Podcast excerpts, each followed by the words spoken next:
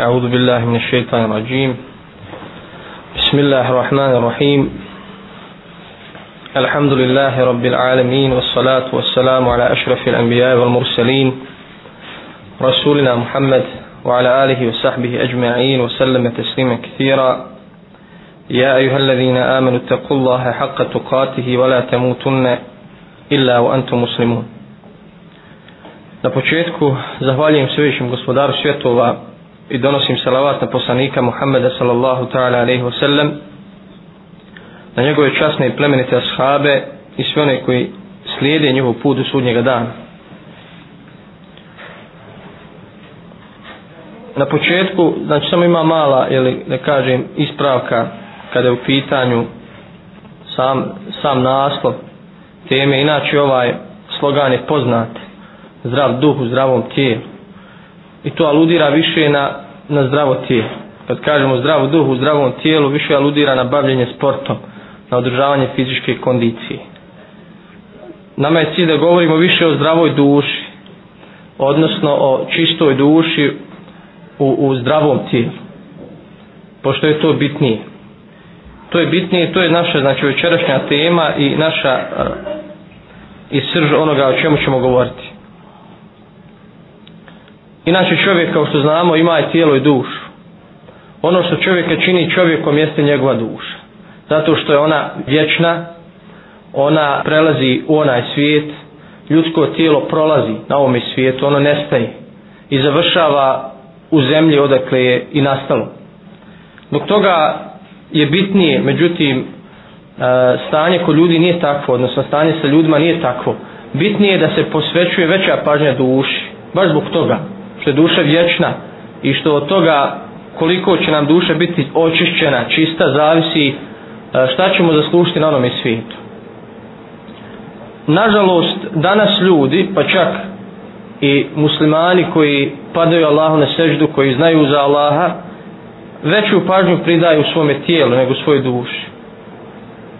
Do toga jeste danas stanje muslimana ovakvo zapostavlja se znači to čišćenje i odgoj duše što je prioritet što je prioritet kod svakog pojedinca znači da veću pažnju posvećuje odgoju čišćenju duši iz, proste, iz prostog razloga koji, koji smo malo prije naveli a to je što od toga zavisi kako će naše stanje biti na hiretu Islam ne zapostavlja tijelo mnoštvo je hadisa posebno hadisa psanika ali i salatu koji upućuju na važnost zdravlja, zdravog tijela.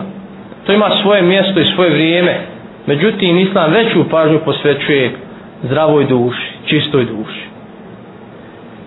Danas ljudi kada im neko, kada izgube zdravlje, žaloste se i tuguju. Spopadne ih briga. Kada izgube najmilije, recimo, kada, kada im umre neko od najmilijih, najbližih, tuguju, žaloste i tako dalje. Međutim, kada neko od njihovi poznanika ili prijatelja naj, ili najmiliji kada skrene s pravoga puta, to jest kada mu umre duša njegova, kada doživi duhovnu smrt, niko za njim ne tuguje. Ili malo ko, neki on živi zdrav, neki ima glavu na ramenima. To je pogrešna, pogrešno razmišljanje. Neka je čovjek, neka je živ i zdrav. Međutim, veća je tragedija i veća je žalost kada neko od naših bližnjih, kada doživi duhovnu smrt, kada mu duša umri, kada je, znači, ne vodi brigu o njoj, ne čisti je, ne održava je i ona doživi tu svoju duhovnu smrt. Inače, svi poslanice, alaihimu salatu wasalam, a bilo ih je, bilo ih je mnogo, od Adima, alaihimu salam, pa do posljednjeg poslanika Muhammeda, alaihimu salatu wasalam spominje se da je bilo oko 315 poslanika, a oko 124.000 vjerovjesnika. Znači to je to je veliki broj kroz historiju čovječanstva. I svi poslanici vjerovjesnici dolaze s jednim ciljem, a to je da ljude izvedu na pravi put i da, da ih očiste od grijeha, da ih očiste od negativnih osobina. To je bio njihov uzvišeni cilj, cilj njihove misije. I to je cilj svakog od nas, svakog pojedinca. Da radi na sebi, da poradi na sebi. Zato kaže uzvišeni Allah, audhu billahi min šeitan rajim, هو الذي بعث في الأميين رسولا يتلو عليهم آياته ويعلمهم, ويعلمهم الكتاب والحكمة kaže on je neukima poslao poslanika jednog od njih misli se na Muhammed a.s. poslao je poslanika tim neukim beduinima da im ajete njegove kazuje da im citirajući ajete i da ih očisti i da ih knjizi mudrosti nauči i da ih očisti znači ovo je ovaj dio ajeta ukazuje da je misija i posljednje poslanika Muhammeda ali to sam bila da očisti taj, taj svoj narod cijeli, cijelo čovečanstvo posle on poslanik cijelom čovečanstvu da ih očisti od neznaboštva od idolatrija od sujevjere, od krivovjerja od svega onoga što kvari prlja ljudsku dušu Prema tome ono što je najvažnije i o čemu treba promišljati i razmišljati svaki razuman i pametan čovjek jeste njegov odnos prema njegovoj duši. Prema njegovoj duhovnoj, duhovnoj strani. Pa kaže uzvišeni Allah kad aflaha man zakaha wa kad khaba man dasa. Ovaj ajet uvijek trebamo imati na umu. Uspio je onaj koji očisti, ko svoju dušu očisti. To je uspjeh uspio je onaj ko svoju dušu očisti. Ko je dovoljno očisti da je ne mora čistiti džehennemska vatra. Jer znamo da Allah na Dunjaluku daje čovjek uputu. Daje različite načine i metode da čovjek očisti svoju dušu. I čovjek je čisti ili nečisti. Pa onda Allah se smiluje čovjeku pa ako nedovoljno čisti svoju dušu dobrim djelima, pokajanjem, Allah mu dadne neke nedaće iskušenja. A svaka nedaća vjernika čisti od grijeha, pa čak i trn, trn ako ga obode. Kao što su i hadis poslanika, ali i svatost. Svaka briga koja pogodi vjernika, svaka tuga, pa čak i trn koji ga obode, pa čak i uznemiravanja koja doživljava od drugih ljudi, svojih prijatelja, komšija, prolaznika, sve je to iskušenje koja, koje čisti čovjek. Tako to trebamo i doživljavati.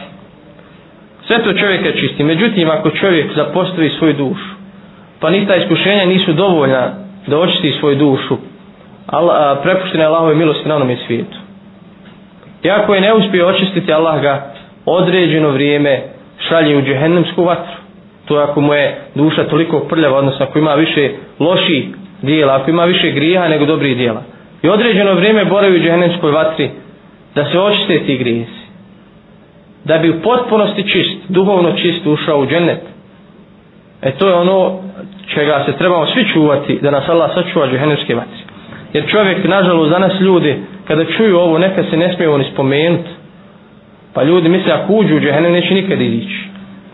E, po islamskom vjerovanju, samo nevjernici, samo nevjernici, samo licemir koji se pretvarali da su vjernici, e, znači idolo, poklonici, mušljice, oni će ostati vječno u vatri džehennemsku. Dok će vjernik koji imao i trun imana, ako dođe do džehennemske vatre i kad se očisti određeno vrijeme koje Allah odredi, koje Allah odredi on će na kraju izići iz džehennema i ući u džennet. Ovo se kaže nekad ne smije spomenuti ljudi odmah se kažu pa dobro znači ipak nije to neka tragedija ako ja uđem u džehennem stoga ću se ja na ovom dunjalku jel, malo opustiti, malo posvetiti uživanjima, a ja čusto vjerujem u Allaha. Čusto vjerujem u Allaha, ponekad ću otići u džamiju, od Ramazana do Ramazana ili od džume do džume, pa ću ja onda ako Bog da tamo malo odgoriti, onda ću izići. Ljudi ne znaju šta je džehennemska vatra. On to svojim mjerlima u dunjalički. Pa evo nek pokuša, nek izvrši eksperimenti na dunjalku, pa nek uzme malo ove dunjalučke vatre, pa nek drži u njoj ruku jednu pet minuta ili deset, a kamol deset, a kamol deset godina ili hiljadu godina. Pa nek vidim hoće li moći izdržati, hoće li moći izdržati džehennemsku vatru.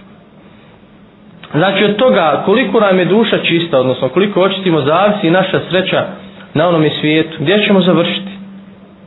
I ako, ako imamo to na umu, onda znamo šta nam je činiti.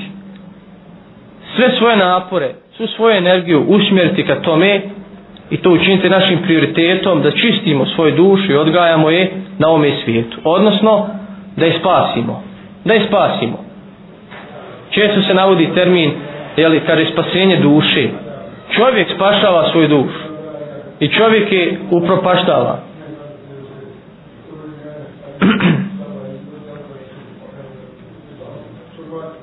inače uzvišeni Allah je stvorio čovjeka i stvorio njegovu dušu da je sklona i zlu i dobru to jeste duša može da čini i zlo i dobro e sad zavisi od čovjeka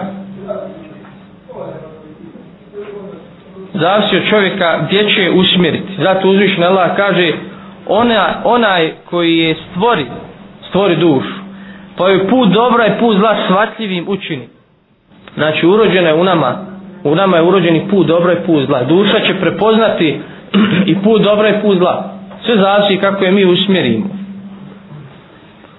Znači spas je za one i spasenje duše je za one, za one koji shvatili ovaj cilj koji shvatili da je cilj očiti duš i spasti i koji su shvatili, shvatili svrhu života oni su znači pravi bogataši oni imaju veliki kapital neprocijenjiv makar ne imali šta obuć makar ne imali šta pojest oni su pravi pravi bogataši koji su shvatili svrhu života i cilj života jer oni oni ovaj stvaraju svoj ulog i zalog na onom svijetu na kraju krajeva svo bogatstvo ljudsko čovjeku na ovom svijetu ostaje.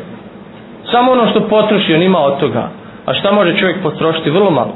Može čovjek imati milijona i milijarde, ali teško sve potrošiti. U užitak, da, da sebi priušti užitke neke. Čovjek ne može pojesti vola. Može pojesti malu porciju ili e, jela, mesa. Ne može popiti cisternu pića. Može popiti čašu, flašu, litar, dva. To je to. Što se tiče oni koji su prepustili duši da ih vodi i pustili je njenim uživanjima i prostima, oni su stradalnici. Bez obzira koliko sebe smatrali uspješnim, koliko sebe smatrali ali da su, da su na pravom putu, da su uspješni tako dalje. Propali su i na Dunjaluku i na Ahiretu.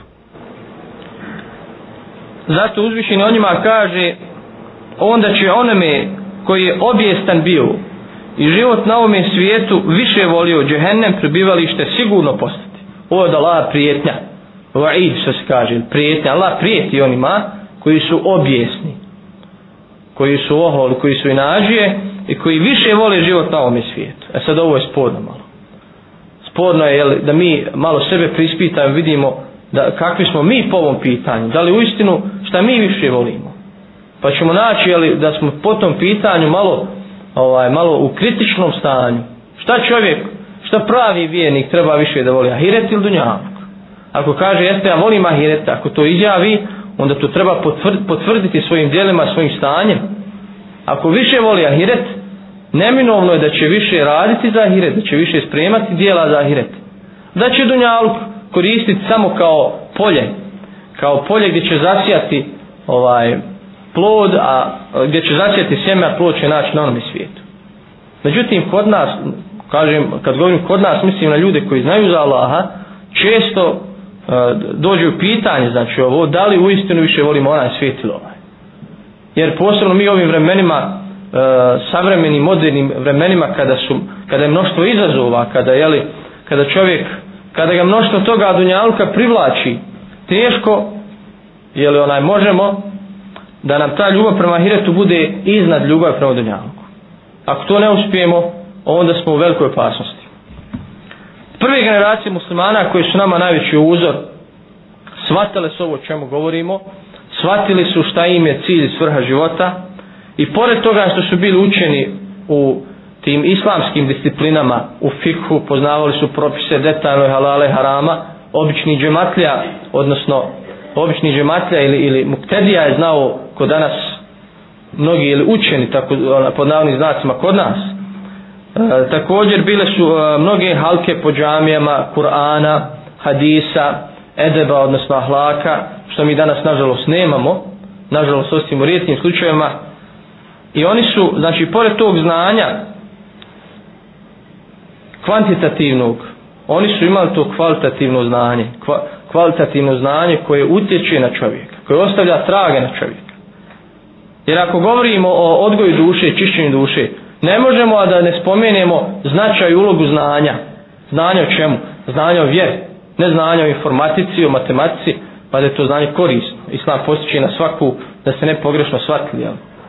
Jer vrlo često se, moram malo, malo digresiju napraviti, vrlo često se iz predavanja uzme jedna rečenca pa se tumači pogrešno ili za namirno. Uzmu ljudi, kažu ovi, pozivaju samo ahiretu. Samo ahiret pozivaju kaže i zapostavljaju i kaže on negiraju i matematiku i nauku i sve ostalo to su kaže primitivci primitivci samo da naglasim kažem da islam pridaje veliku pažnju i to naglašavam nauci svakoj korisnoj nauci i postiče na to međutim glavna nauka je nauka o Allah nauka o vjeri to je prva nauka to je obaveza svakog muslimana što potvrđuje riječ poslanika alaihi salatu wasalam talibu lelmi faridatun ala kulli muslim straženje nauke o vjeri je obaveza, far za svakog muslimana.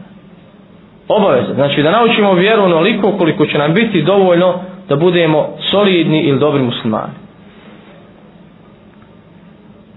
Znači ove prve generacije su, pored toga što su imale te škole, fika i hadisa, imale su škole odgoja duši, gdje su imali kružoke, kružoke gdje su bavile odgojem duše, gdje su iščitavali dijela djela iščitavali su Kur'an i poslanikov hadis koji govori baš o odgoju duše i radili su praktično na tom planu. Zaduživali su, znači taj njihov učitelj koji recimo poučava određenu grupu, oni je zaduživao šta da urade u narednoj sedmici ili u narednom mjesecu da bi doprinijeli čišćenju svoje duše i odgoju svoje duše. Čovjek, iako treba najviše da radi on sam na sebi, on ne može obstati bez zajednici, bez društva. Ne može sam obstati mora se družiti s nekim. Zato je na putu odgoja čišćenja duše veoma bitan faktor društva. S kim se družiš? S kim provodiš vrijeme? Je li, je li s onima koji te navode na zlo na dobro? Je li s onima od kojih imaš korist?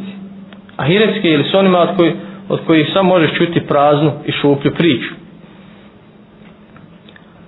E, Navešu jedan primjer e, jednog islamskog učenjaka, je li Abdurrahman ibn Abi Hatim al-Razi, er kaže stigao sam jedne prilike u Damask i došao kod pisara hadisa prošao sam pored Halke Kasima El Džuija kaže oko njega su sjedili ljudi kojima se on obraćao znači to je primjer ovi Halki koje su oni imali u to vrijeme kaže zadivio me taj prizor pa sam njim se ja pridružio upućujući im savjet između ostalog ovaj jel šejh im je rekao nastojite da kod sebe izgradite sljedeće osobine.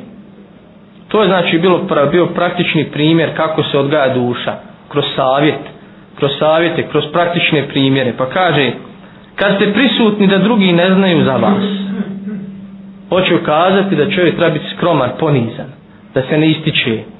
Kad ste prisutni da drugi ne znaju za vas, Kaže druga, kad ste osutni da to ne osjećaju. Opet vezano za ovu prvu. Da ne osjećaju da ste osutni. Treća, kad ste, kaže, prisutni da od vas ništa ne traži. To jeste da, da se ne pokazujete da se ne pokazujete pred, pred drugima, da ste vi neko od koga treba nešto tražiti, ko, ko može nešto ponuditi drugima. Četvrto, kad nešto kažeš da to, ne, da to ne prihvati, da budeš spreman kad nešto kažeš ljudima, da ti bude sve jedno ako im kažeš da to ne prihvati od tebe. Kad nešto uradite, da za to nagrađeni ne budete. Znači, da ne očekujete nagradu kada nešto uradite, nagrada može biti pohvala, da vas neko pohvali. Nemoj to očekivati ili ako to ne dobijete da vam bude sve jedno, da se ne osjećate neugodno, vi nikome nije pohvalio. Što ja kaza, pametno, pametno, i šta učini dobro, nikome nije pohvalio. Kaže, također vam preporučujem još četiri stvari. Kaže, ako vam se nepravda učini, vi je ne činite drugima. Savjeti koji su jel, lahki na jeziku, međutim teško ih provesti u praksi. Kaže, kad vas hvali, ne radujte se.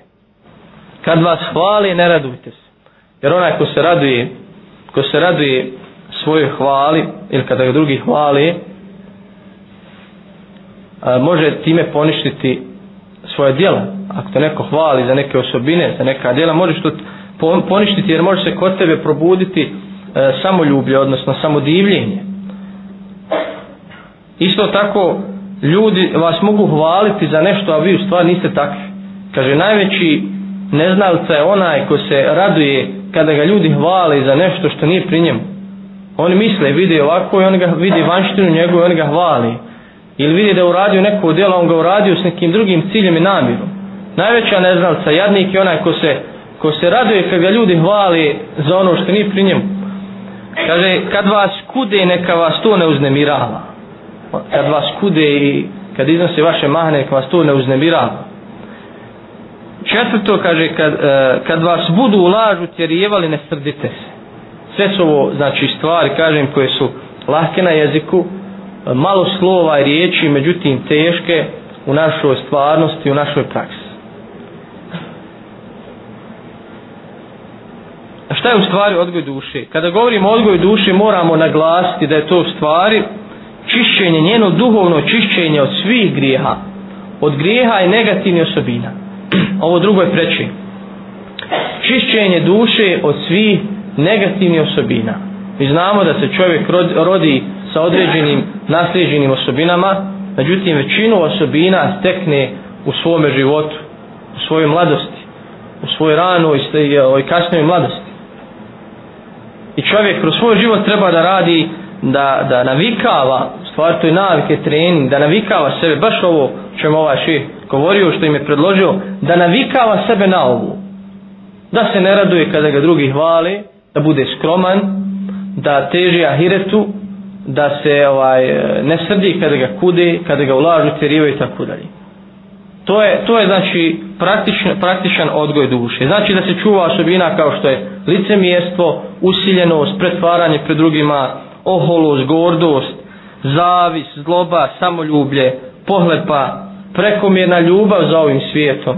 Znači, e, ljubav, umjerena ljubav prema ovome svijetu je dozvoljena, to je dio čovjeka, to, to ja se ne možemo tarasiti, možemo to svesti na minimum, međutim uvijek čovjek ima nešto što voli na ovome dunjalku.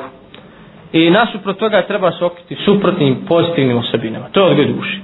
Pazite, to se ne može postići preko dana. To zahtjeva truda, vremena, to zahtjeva promišljanja, zahtjeva žrtve i oni koji budu najviše ulagali na tom putu, oni će uspjeti. A oni koji budu olako svartali ovu zadaću i ovaj cilj, oni će ili djelomično očistiti dušu ili neće očistiti. Posebno kažem, značajno je govoriti o očišćenju duše u ovim vremenima, kada je mnoštva tih duhovnih prljavština koje prljaju dušu, htjeli mi ili ne htjeli. To vam isto, znači, kada da idete ulicom i pazite da se ne uprljate, idete putem, međutim, takva vrijeme, recimo, da ljudi bacaju smeće kroz prozore, pa vi htjeli ne htjeli neko vam baci smeće na glavu ili na vas, tako u ovom vremenu. Vi izbjegavate, znači, te duhovne prljavštine, međutim, e, bez vaše volje i izbora, ljudi vas, u stvari, vrijeme kojim živite prlja vas duhovno. Zato je veoma bitno, znači, u ovim vremenima da što češće čišći, čistimo dušu i odgajamo. Mi spominjemo dva pojma, čišćenje i odgajanje. Čišćenje e, e, e jeste da očistimo dušu od grijeha i od negativnih osobina, a odgajanje je da i navikavamo na suprotno. Znači jedno bez drugog ne može. Znači ne možemo odgajati dušu bez čišćenja, bez čišćenja od grijeha. Ne možemo je odgajati bez toga. Kaže, duše oboljevaju, kaže im, kaj im da duše oboljeva, oboljevaju kao i tijelo. Duša može oboliti kao i tijelo. Imaju razne bolesti duše. Razne bolesti duše. Vesim, kaže im, kaj im je rekao, kaže, srce oboljeva, kad se kaže srce često, znači u toj terminologiji, misli se na dušu. Srce obolijeva kao što obolijeva tijelo. Ne misli se na ovaj organ srce koje kuca, jel, koje pumpa krv. Nego misli se na, ta, na, tu, na tu duhovnu čovjeku, njegovu dušu. Kaže, obolijeva kao što obolijeva tijelo. A lijek mu je u teubi, pokajanju. Teuba je nešto, iskrena teuba, teuba, teuba na suha je nešto što najviše čisti, čisti čovjeku u dušu. Kaže dalje, kaže duša hrđa ili zamagli kao što zamagli ogledalo zamaglino kao ogledalo kad, kad puhnete u njega ono zamagli ili od pare i kaže a čisti se zikrom spominjanjem Allaha to što je ma manje naslaga griha kaže duša ogoli kao što ogoli čovjek ostane bez odjeće a odjeća joj je takvaluk bogobojaznost duša se najbolje može okititi bogobojaznošću Kaže i ožedni i ogladni kao što ožedni i ogladni tijelo, a hrana i piće mu je spoznaja Allaha. Spoznaja Allaha, ljubav prema njemu, oslonac na njega i pokajanje.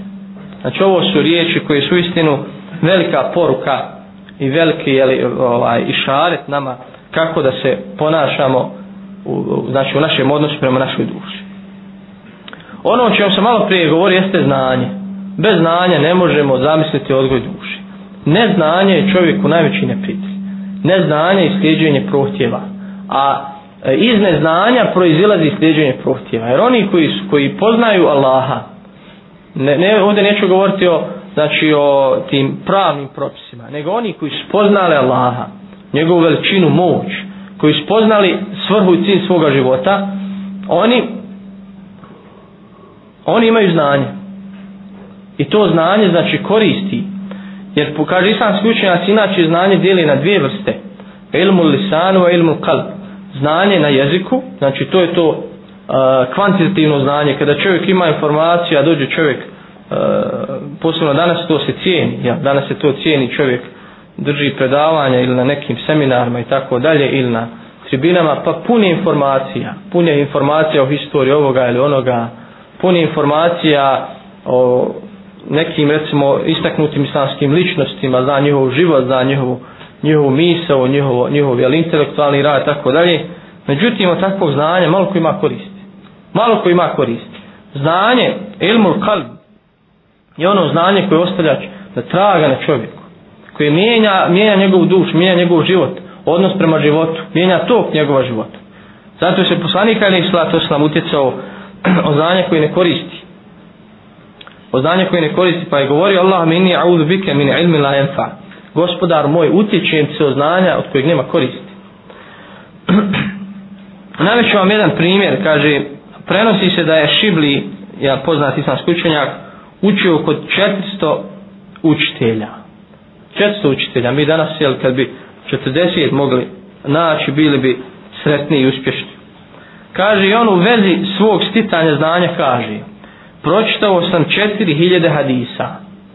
Kada je pročitao, misli tu da je dobro iščitao i razumio, da je izvukao propise i njih. Pročitao ih pred učenim ljudima. A zatim sam, kaže, odabrao samo jedan hadis. Od tih četiri hiljede je odabrao samo jedan hadis. Kaže, da radim po njemu. da radim po njemu. Samo da uzme jedan hadis kao vozilju u svome životu. Pa kaže, to je hadis kojem poslanik, ali to se nam kaže, radi za dunjalku onoliko koliko ćeš na njemu ostati. I radi za ahiret onoliko koliko ćeš na njemu ostati. Radi za Allaha onoliko koliko potrebu imaš za njim i radi za džehennemsku vatru onoliko koliko ćeš u njoj moći izdržati. Ovaj hadis mislim da ga ne treba ni komentarisati. Tako je jasan. Tako je jasan upečatljiv.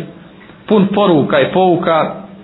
Znači ponovit ću ga još jednom. Radi za dunjalku onoliko koliko ćeš na njemu ostati svi znamo koliko ostajemo na dunjaluku i radi za ahiret onoliko koliko ćeš na njemu ostati a na ahiret se ostaje vječno a radi za Allaha onoliko koliko potrebu imaš za njim mi bez Allaha ne možemo i radi za džehennemsku vatru onoliko koliko ćeš u njoj moći izdržati to je ono čem sam malo prije govorio da čovjek se kaže ja ću malo izgoditi pa ću izići to me uspje, to me utjeha